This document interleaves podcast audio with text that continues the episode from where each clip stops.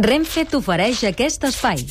Podríem posar un repicar de campanes avui a l'Actoràlia perquè comencem amb un llegit que té 5 L's. Sí, senyor. He de dir, en honor a la veritat, que és un llegit i traduït. Ara veuràs perquè de tota manera, deixem, deixem que el coixí sonor d'uns clàssics com The Platters ens l'il·lustri. Remember when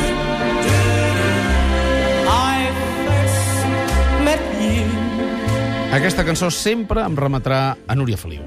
Sí, sí. Jo ara estava pensant, sort que no és l'hora de dinar, sort que no és havent dinat, perquè si no, de, de felicitat, eh? Pons agafaria com una nyonya, Sí. saps? Allò, i tot això. Bé, eh, he de dir que això és per il·lustrar un llibre d'en Joe Brainer que es diu Me'n recordo, Uh, i que deia que l'he llegit amb la, una profunditat excepcional, perquè no només l'he llegit, sinó que l'he traduït jo al català. Caram! I per això que és la, la diguem, lectura més profunda que se'n pot fer. Situem-lo. En John Brainer era un artista plàstic dels anys 70 a Nova York. Uh, ell anava fent la seva carrera, era amic de tots els uh, poetes del grup de Nova York, però va fer aquest gènere, va inventar gairebé un gènere literari, que va ser un seguit de llibres, que aquí s'agrupen, perquè després van agrupar, que es deia I Remember. Llavors, era només una llista de records. Una llista de records des dels més simples, ell era homosexual, fins als més profuns de la seva identitat. No? Aquest llibre, I Remember, va ser el que va inspirar després a Jos Perec, un escriptor francès, que ha passat a la posteritat per me souviens, me'n recordo. I jo d'aquesta tradició eh, els vaig extreure per acabar el quiet amb no me'n recordo de res aplicat, eh, en aquest cas, al personatge que era mon fill del llibre. Per això els editors em van vindre a demanar a veure si volia traduir això i gustosament m'hi vaig posar perquè és un llibre boníssim. En comptes de glossar-lo més, el que faré és llegir-te'n eh, quatre d'aquests records perquè vegis per on va. Diu, recordo les plantes carnívores que es mengen gent a la selva. Recordo aquells cigarrets de xocolata que semblen de guix. Recordo haver trobat coses a la mateixa guantera on ja ho havia buscat, sense trobar-ho abans. Recordo els tamborets de bar i les banquetes de cuina i els testos metàl·lics per a les eures. Recordo els recitals de claquer. Recordo James Russell amb tota la cavallera recollida a una banda i el cap pla com una pedra. Recordo que Rock Hudson, Charlie Chaplin i Lyndon Johnson tenien uns pollots gegants. Recordo el rumor sobre el que hi va haver de fer Marlon Brando per aconseguir el seu primer paper etc. És a dir, hi ha records inocus, records, diguem, infantils i records d'una obscenitat extrema de la seva pròpia, diguem, eh, formació sexual. Per tant, eh, jo el recomano molt eh, perquè jo vaig acceptar traduir-lo perquè m'havia agradat, però no sóc jo qui li posa les 5 estrelles, sinó que és Paul Auster, que a la contracoberta diu que de tots els llibres de la seva època, unes grans obres que ara semblen qui sap què, en passaran, i en canvi aquest me'n recordo del Joe Brainer per viurà. Per tant, avui com que sóc part implicada, no sóc jo qui puntua en Joe Brainer, sinó que és Paul Auster. Però llegirem. A Paul Auster diu, me'n recordo, és una obra mestra, un per un seran oblidats els llibres del nostre temps considerats més importants, però la modesta joia de Joy Brenner perdurarà. Cartografia el mapa de l'ànima humana i altera de manera permanent la nostra manera de mirar el món a través de frases enunciatives simples i directes. Me'n recordo és alhora divertidíssim i profundament emocionant. És també un dels pocs llibres totalment originals que he llegit mai. Aquesta traducció de Paul Auster també és cosa teva. Sí, esclar, ell... Una això, de les cinc L's és per tu, Això ho va Màrius. escriure en anglès el Paul Auster i jo l'he traduït també al català. Mots clau. Aquí tenim eh, uns mots clau eh, absolutament eh, memòria, record, diversitat, crítica i mm, brainer, especialment. Rellegit. I want to break free.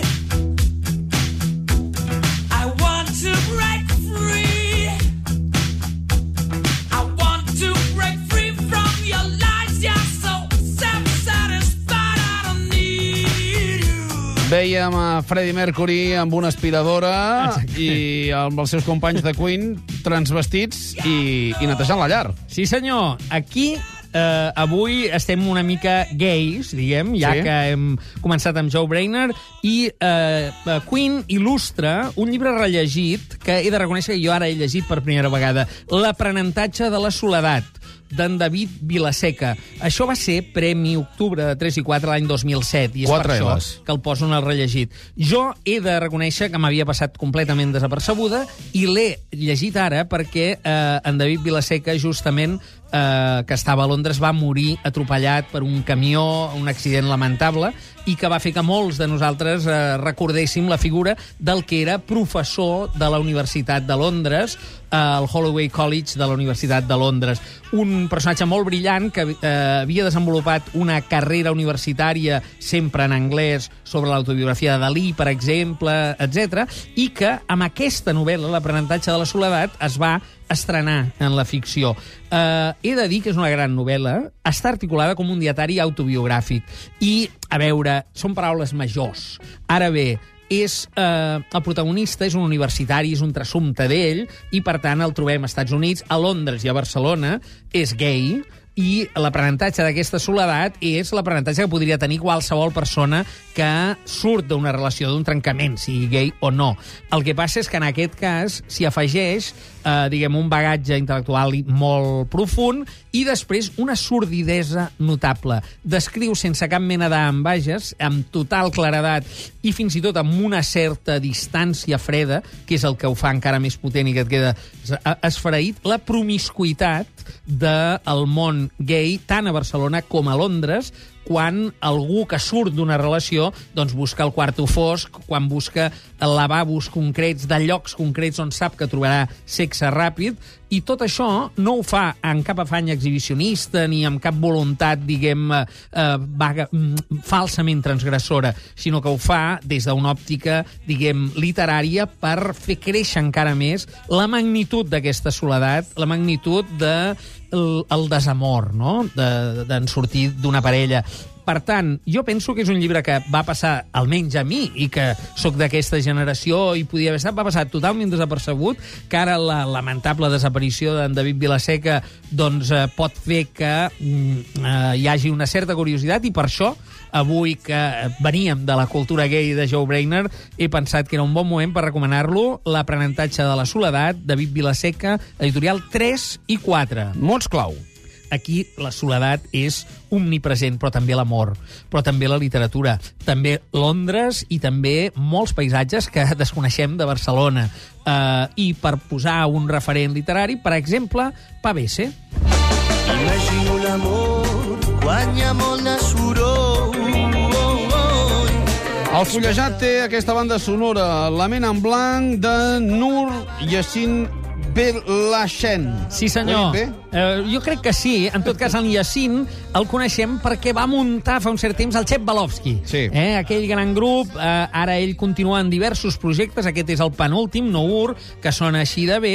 I això m'ha semblat molt adequat per il·lustrar un llibre que es diu Divan, però amb doble B, sense res a veure amb la psicoanàlisi, eh, aquí, eh, de Halak. Això ho edita Edicions Fragmenta, però és una edició, traducció i cal·ligrafia, perquè com pots veure és bilingüe i està en àrab Sí, i català, eh, d'un professor que es diu Halil Bárcena i que és nascut a Cantàbria i tradueix de l'àrab al català d'una manera primorosa. Vull dir que d'altres podrien aprendre, diguem, Sí. eh, clarament, no? Aquest és el primer cop que en català es tradueix aquesta poesia mística. És un poeta sufí. Estem parlant del segle IX. El poeta, espero dir-ho bé, es diu Hussein ibn Mansur al-Halaj eh, eh, la seva escriptura, els seus versos, eh, són clarament tendents a la saviesa, és el que se'n diu poesia sapencial, sapiencial, eh? i extàtica també, perquè busca un cert èxtasi, però místic, no?